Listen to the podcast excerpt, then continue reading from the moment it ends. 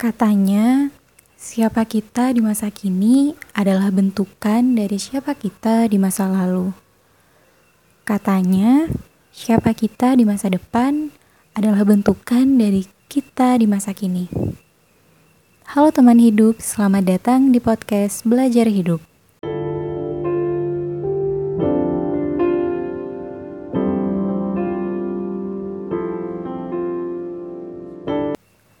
Pada episode kali ini, kita akan berbincang sedikit lebih dalam tentang diri. Kalau teman-teman diberi kesempatan untuk menjelaskan siapa diri teman-teman, kira-kira apa yang akan teman hidup ucapkan? Apakah teman hidup akan menjelaskan nama teman-teman? Atau kalian akan menjelaskan organisasi yang teman-teman ikuti? Bisa jadi mungkin teman-teman akan menjelaskan diri teman-teman sebagai bagian dari agama yang teman-teman anut.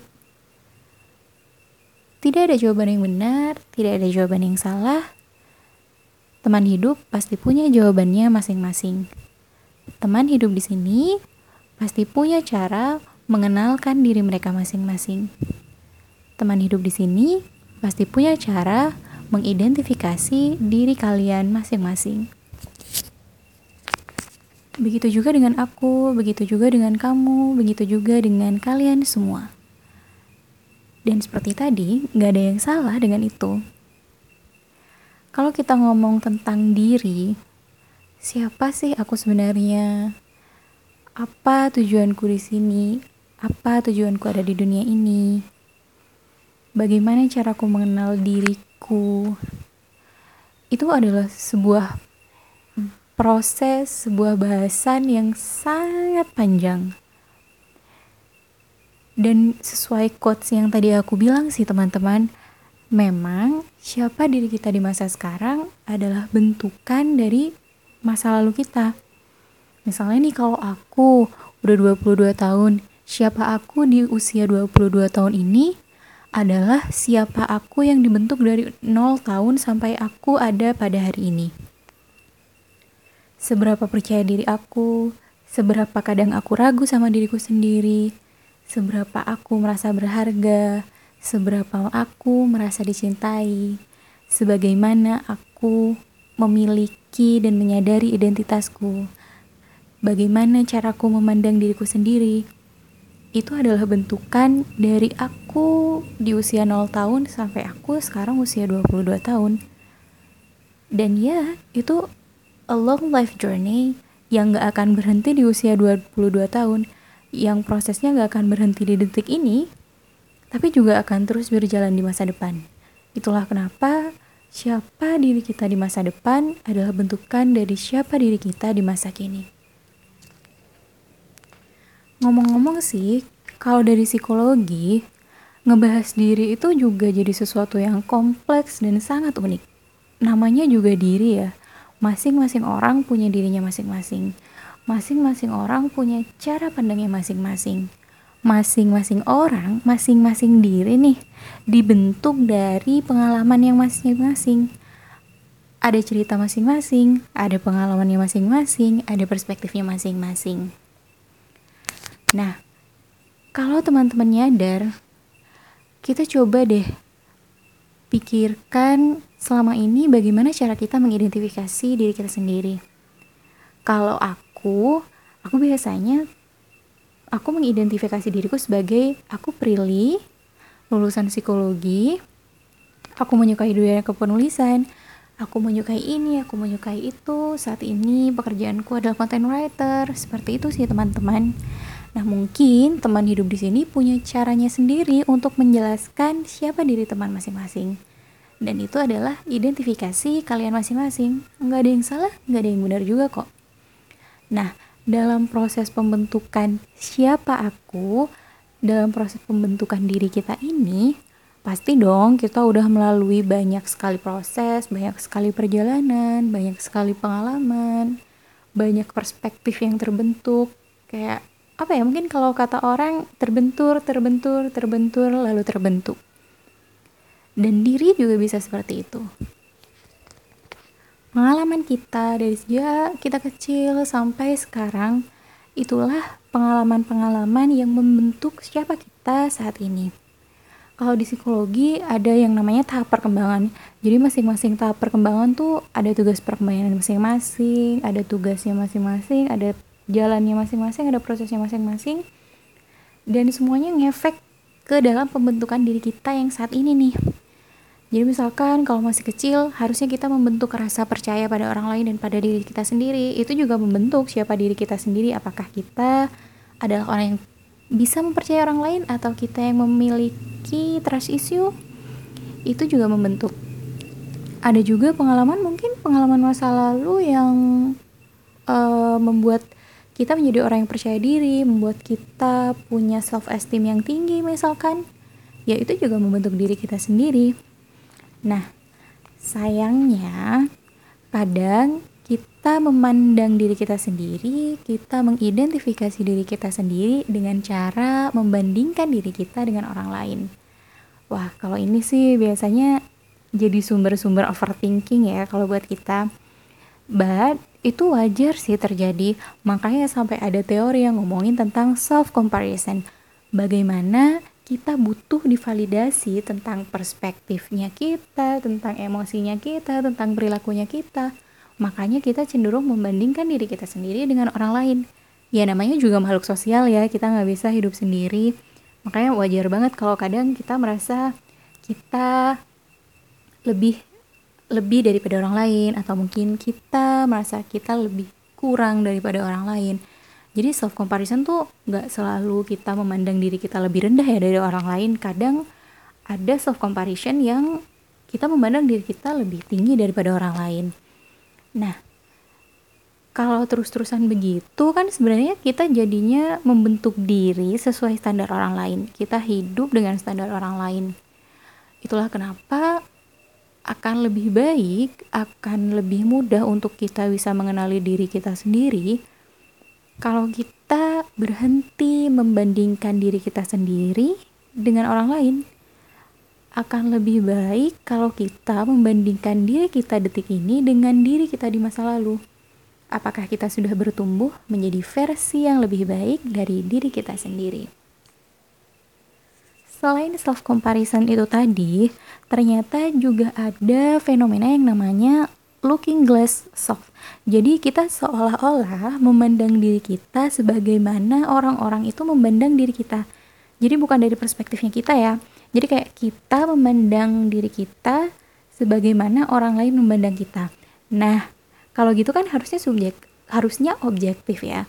Tapi ternyata nggak gitu teman-teman. Ternyata kita malah cenderung bukan melihat diri kita sebagaimana orang lain melihat kita, tapi kita melihat kita sebagaimana pandangan yang kita percayai bahwa orang lain memandang kita seperti itu. Agak ribet ya. Contohnya kayak gini sih. Uh, kita kita nih ya, contoh negatifnya lah ya ini. Jadi misalkan nih kita ngerasa orang lain tuh benci banget sama aku. Kayak gitu ya. Misalkan aku meyakini bahwa orang lain itu benci banget sama aku. Mereka memandangku sebagai orang yang sangat mereka benci. Nah, pikiran yang semacam ini ternyata bukan bisa jadi bukan fakta kayak gitu. Bisa jadi itu bukan cara mereka memandangku, tapi itu adalah keyakinanku bahwa mereka memandangku seperti itu. Jadi beda ya teman-teman. Itu bukan sebagaimana mereka benar-benar memandangku, tapi ternyata itu adalah keyakinanku bahwa mereka memandangku sebagai orang yang mudah dibenci jadi kayak gitu. Jadi kadang ternyata pembentukan diri itu bisa melalui proses yang sangat unik. Tiap orang memiliki pengalamannya yang sangat unik dan pasti nggak bisa dibanding-bandingkan antara satu orang dengan orang yang lain. Dan nggak akan pernah bisa disamakan juga. Nah terus ngomong-ngomong tentang diri kalau di psikologi itu tiap orang punya skema dirinya masing-masing. Nah masing-masing orang itu punya tiga skema ada yang pertama adalah actual self atau diri kita yang sebenarnya saat ini, sekarang ini. Terus juga ada yang namanya skema ideal self. Jadi gimana aku mau menjadi orang yang seperti apa nih? Aku pengen punya identitas yang bagaimana nih? Terus yang berikutnya adalah skema bagaimana diri kita yang seharusnya. jadi masing-masing skema itu saling berjalan dan saling berkaitan seperti itu nah sebenarnya kalau kita ngomongin tentang diri diri itu kan siapa diri kita bagaimana kita mengidentifikasi diri kita. Nah si diri ini akan sangat berpengaruh sama hidup kita. Bukan hanya pada siapa kita saat ini tapi akan sangat berpengaruh ke semua aspek kita di dalam hidup. Jadi bagaimana kita mengidentifikasi diri bagaimana kita mengenali diri ternyata itu sangat berpengaruh sama gimana kita bisa percaya diri sama apakah kita merasa berharga atau enggak apakah kita akan mudah untuk beradaptasi dengan orang lain atau enggak apakah kita bisa membangun relasi yang baik dengan orang lain atau enggak ternyata si diri ini, self ini akan sangat berpengaruh untuk urusan itu. Nah, kalau ditanya, sebenarnya sejak kapan sih diri itu terbentuk? Ya, seperti tadi, seperti kataku tadi, bahwa diri itu, diri kita saat ini itu dibentuk dari semua pengalaman kita dari dulu sampai detik ini. Cuma kayak apa ya, titik puncaknya ada ketika kita masa remaja jadi ada satu tahapan perkembangan saat remaja itu itu adalah tahap-tahap di mana kita sedang berada pada puncak waktu kita membentuk diri kita. Kita membentuk identitas diri kita dan itu terjadi ketika remaja. Makanya nggak salah nih kalau orang-orang bilang masa remaja itu masa-masa pencarian jati diri. Atau masa remaja itu masa-masa yang turbulens beneran lagi nyari-nyari jati diri ke mana-mana. Ya nggak salah sih karena memang pada usia-usia itu kita sedang mencari siapa diri kita sendiri. Dalam aspek yang lebih private ya dalam aspek diri kita sendiri tapi juga dalam aspek yang lebih luas dalam aspek sosial. Jadi siapa sih kita di lingkungan kita? Siapa kita di lingkungan sekolah? Siapa kita di lingkungan keluarga? Dan sebagainya macamnya. Itu terjadi pada fase itu. Dan nggak semua orang ternyata berhasil melalui tahapan perkembangan itu dengan baik gitu teman-teman. Ada beberapa orang yang tidak berhasil membentuk identitas diri yang kuat membentuk identitas diri yang solid. Makanya mereka tidak memiliki sense of identity yang kuat. Kayak mereka masih ngambang aja. Mereka mereka masih bingung dengan siapa diri mereka sendiri. Mereka masih I'm not sure who I am kayak gitu. Dan itu ya nggak apa-apa sih. Bisa bisa kita kembangkan pelan-pelan bisa kita lakukan pelan-pelan bisa kita rekonstruksi kembali pelan-pelan karena tiap orang kan punya pengalamannya masing-masing ya teman-teman. Jadi kayak gitu kalau kita ngobrolin tentang diri itu adalah proses yang sangat panjang. Bukan cuma panjang tapi benar-benar menghabiskan waktu seumur hidup. Nggak akan pernah berhenti gimana kita mengenali diri kita sendiri. Nggak akan pernah berhenti kita memahami diri kita sendiri.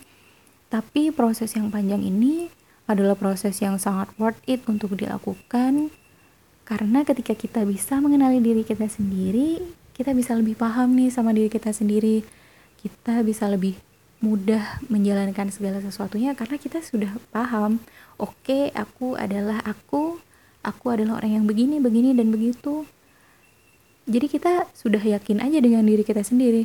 Sedangkan pada orang-orang yang belum begitu paham dengan dirinya, ya mereka akan lebih kesulitan karena untuk mengenali dirinya saja mereka masih merasa kesulitan, apalagi untuk melakukan hal yang lain. Seperti itu teman-teman.